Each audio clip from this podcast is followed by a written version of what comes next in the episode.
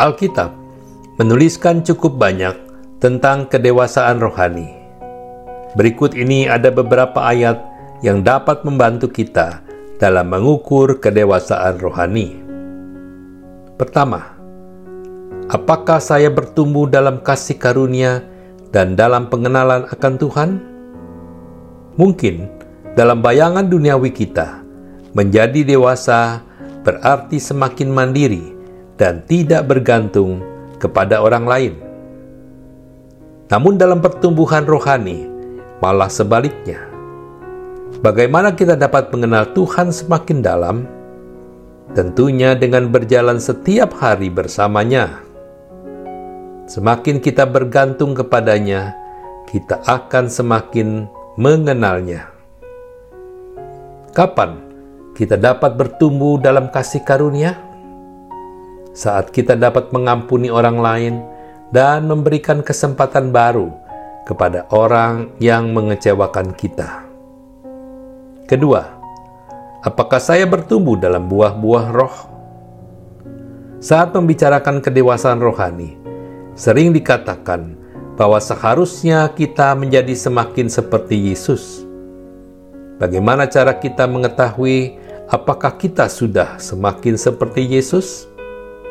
Kita dapat memakai buah-buah roh untuk mengevaluasi diri kita. Semua buah roh yang disebutkan dalam ayat di atas ada di dalam diri Kristus.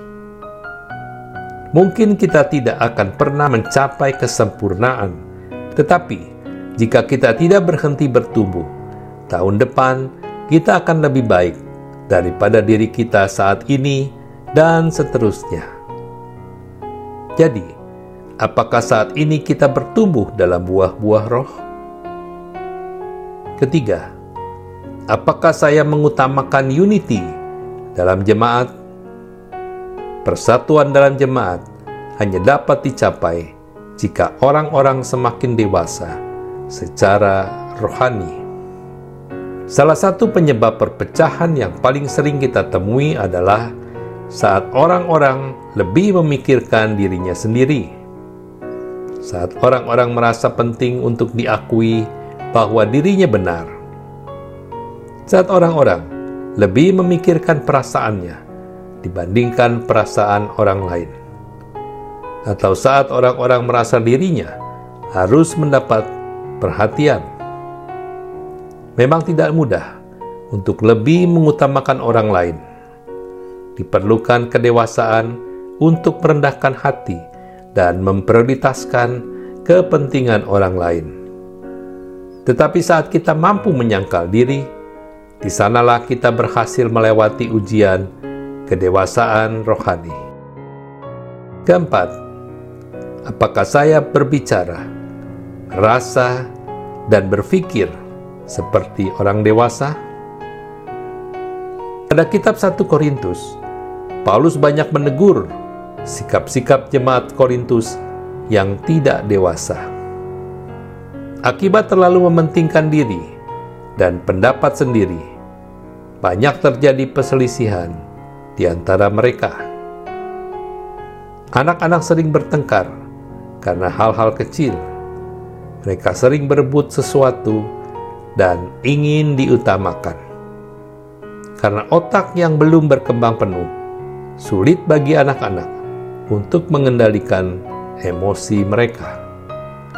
Sayangnya, kita yang sudah dewasa juga masih sering seperti anak-anak Padahal kita sudah tahu apa yang benar dan yang seharusnya kita lakukan. Kedewasaan adalah saat kita mampu mengelola dan memahami emosi kita. Saat kita mampu mengendalikan kata-kata, perasaan, dan pikiran kita, saat itulah kita dapat dikatakan dewasa secara rohani. Kedewasaan rohani adalah proses yang terus berjalan dan tidak akan berhenti sampai kita mati.